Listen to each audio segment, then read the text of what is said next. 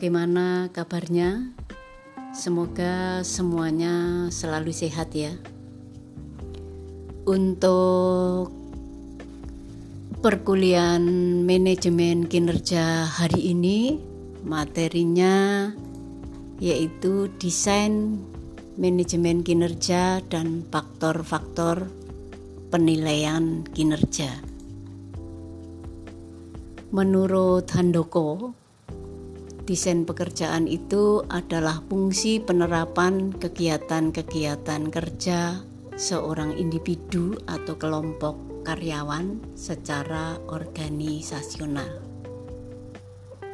Jadi, jelasnya desain pekerjaan ini merupakan penentuan jenis-jenis pekerjaan dan menempatkan pegawai yang sesuai dengan persyaratan yang dibutuhkan dalam pekerjaan atau jabatan tersebut. Sedangkan menurut Simamura, pengertian daripada desain pekerjaan adalah suatu proses penentuan tugas-tugas yang akan dilaksanakan kemudian metode-metode yang digunakan untuk melaksanakan tugas-tugas tersebut, dan bagaimana pekerjaan tersebut berkaitan dengan pekerjaan lainnya di dalam organisasi. Untuk membuat desain manajemen kinerja dalam organisasi, harus menerapkan dua prinsip dasar yang dilakukan Pertama, yaitu manajemen kinerja harus dapat memberikan kejelasan mengenai visi, misi, dan nilai yang dimiliki perusahaan dalam mewujudkan sasaran perusahaan dan sasaran unit kerjanya. Kemudian, yang kedua, manajemen kinerja harus dapat memberikan kejelasan standar yang berkaitan dengan uraian tugas sasaran, dan indikator keberhasilan bagi setiap pemegang jabatan. Untuk uraian tugas karyawan, ini mencakup tugas pokok dan tanggung jawab utama karyawan di dalam unit kerjanya. Untuk sasaran atau target, ini merupakan penjabaran uren tugas dalam bentuk sasaran pencapaian keberhasilan kegiatan tahunan pada periode penilaian. Sedangkan indikator keberhasilan ini merupakan indikator yang dapat mengukur tercapai tidaknya sasaran organisasi. Kedua prinsip dasar utama tersebut harus dikembangkan ke dalam empat langkah pengembangan, yaitu yang pertama langkah merencanakan kinerja, kemudian langkah pembimbingan kinerja, langkah mendokumentasikan kinerja, dan langkah mereview kinerja. Mari kita bahas satu persatu untuk yang pertama yaitu langkah merencanakan kinerja ini meliputi menetapkan urean tugas dari masing-masing karyawan berdasarkan urean pekerjaan yang ada. Kemudian membahas dan menentukan target kerja karyawan. Kemudian membahas bersama-sama dalam menetapkan indikator kinerja yang berlaku dalam organisasi dan bagaimana cara pengukurannya. Setelah itu, mendiskusikan standar kompetensi yang dibutuhkan untuk mencapai sasaran kinerja. Langkah yang kedua yaitu pembimbingan kinerja. Untuk langkah pembimbingan kinerja atau coaching, Langkah ini sering disebut sebagai performance feedback, yaitu terdiri dari kegiatan pertemuan formal atau non-formal untuk memantau kinerja pegawai berdasarkan indikator keberhasilan, terutama sasaran yang disertai dengan pemberian umpan balik. Kemudian observasi tentang kondisi karyawan serta memberikan pelatihan dan memberikan arahan bagaimana cara untuk mencapai sasaran dengan kinerja yang baik.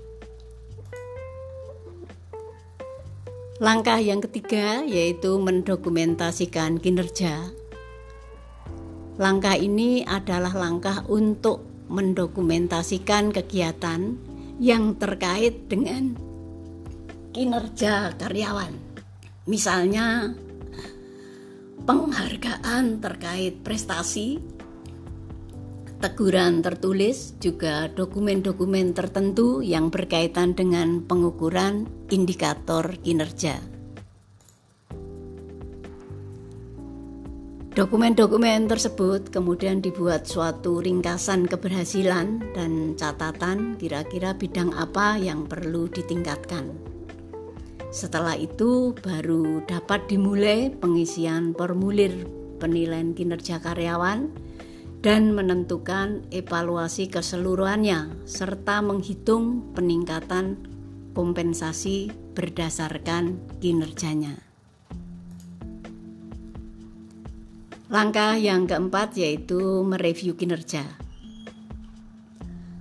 Dalam tahap ini dilakukan pada akhir periode penilaian pada tahun kerja yang bersangkutan.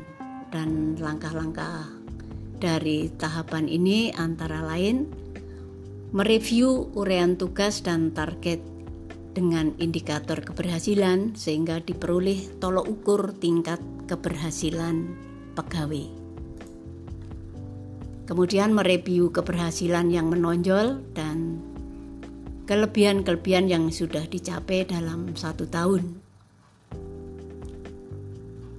Selanjutnya membicarakan kebutuhan pengembangan, misalnya pelatihan yang diperlukan pada tahun berikutnya dan juga rencana karir. Yang terakhir, masing-masing pihak menandatangani kesepakatan tersebut. Oke kawan, kita break dulu. Nanti kita lanjut ke sesi berikutnya.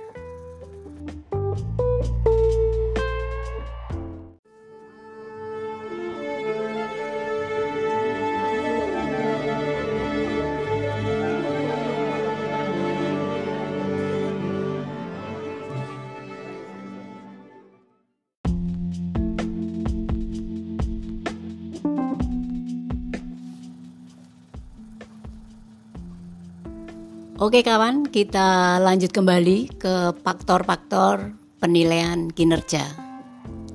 Setelah desain sistem kinerja selesai, langkah selanjutnya adalah mengimplementasikan penilaian kinerja.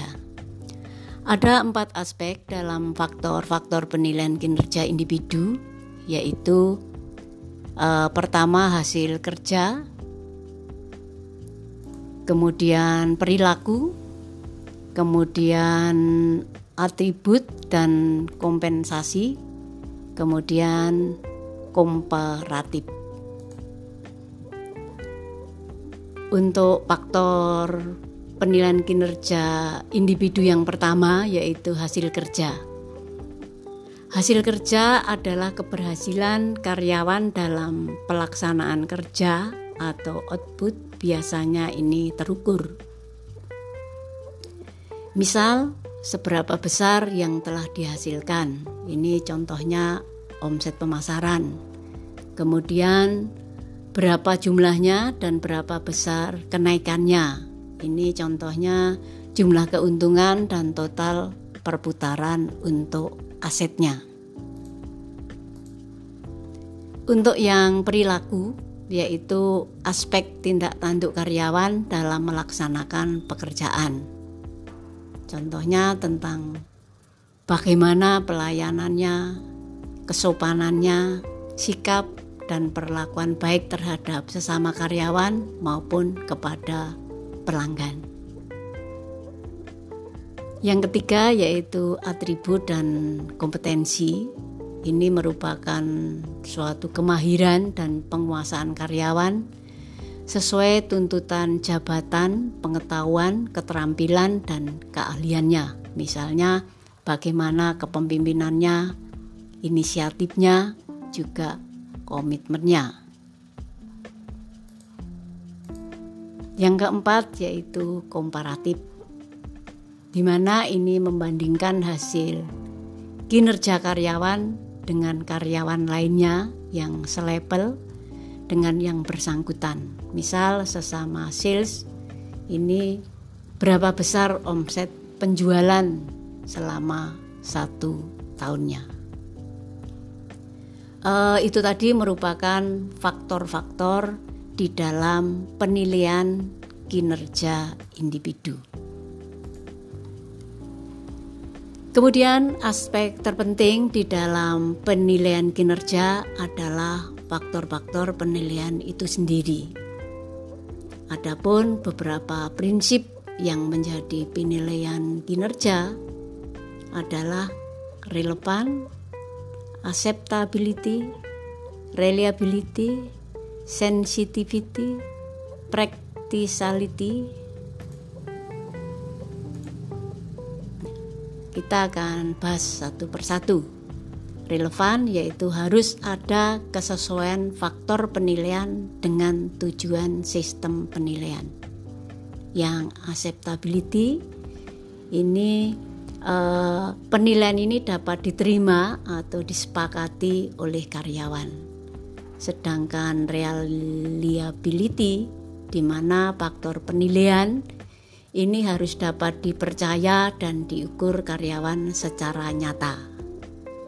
Untuk yang sensitivity, yaitu dapat membedakan kinerja yang baik maupun kinerja yang buruk. Untuk yang practicality, ini eh, penilaian kinerja ini mudah dipahami dan dapat diterapkan secara praktis. Contoh-contoh faktor penilaian kinerja yang sering digunakan perusahaan, misalnya mutu hasil kerja, volume hasil kerja, pengetahuan dan keterampilan teknis, kemampuan mengorganisasi pekerjaan, kehadiran tepat waktu, kepemimpinan, kerjasama, kemudian inisiatif, eh, kemudian kemampuan mengemukakan pendapat,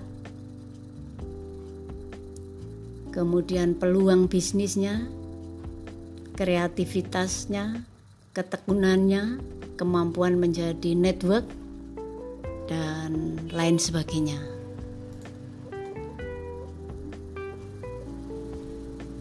Setelah faktor-faktor penilaian kinerja disepakati, langkah selanjutnya adalah metode penilaian kinerja. Untuk organisasi yang berukuran kecil atau skala kecil dan tingkat kompleksitasnya sederhana, ini bisa menggunakan metode ranking langsung, metode ranking alternatif, eh, dan metode perbandingan berpasangan. Untuk metode ranking langsung, ini dalam metode tersebut atasan mengurutkan para pegawai dari yang terbaik sampai yang terburuk berdasarkan kinerja secara keseluruhan. Dan metode ini hanya bisa diterapkan pada organisasi yang masih berskala kecil dan sederhana. Untuk yang metode ranking alternatif, di mana metode ini pegawai paling bagus ditempatkan pada ranking paling tinggi dan pegawai paling buruk ditempatkan pada ranking terendah.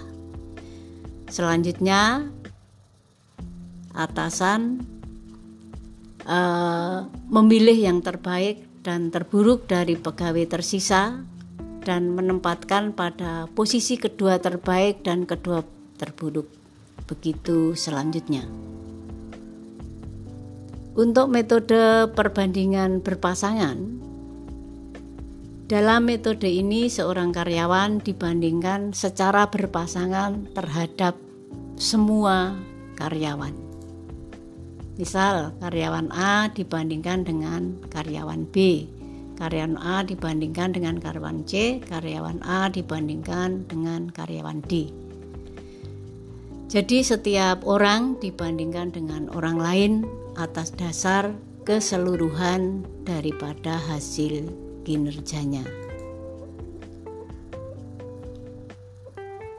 Untuk organisasi yang berukuran besar, skala bisnis tingkat kompleksitas bisnis yang rumit, metode pendekatannya menggunakan metode skala rating grafik, metode skala rating perilaku, dan manajemen by objectified atau MPO. Untuk metode skala rating grafik, Metode ini adalah bentuk evaluasi kinerja yang paling sering banyak digunakan di dalam suatu organisasi. Kemudian untuk metode skala rating perilaku ini merupakan pengembangan skala rating grafik dengan menekankan pada kriteria perilaku karyawan secara spesifik. Karena skala ini digunakan bawahan dalam meningkatkan kinerja dan memungkinkan atasan memberikan umpan balik. Sedangkan untuk metode manajemen by objektif atau MBO, pendekatan ini dimulai dengan penetapan tujuan atau sasaran kinerja dan untuk periode penilaian yang akan datang bisa digunakan untuk mengevaluasi dan menghargai kemajuan karyawan. Dalam langkah ini juga mencakup umpan balik yang jujur tentang apa yang telah dicapai dan tidak dicapai oleh setiap karyawannya. Oke, itu kawan untuk materi manajemen kinerja hari ini.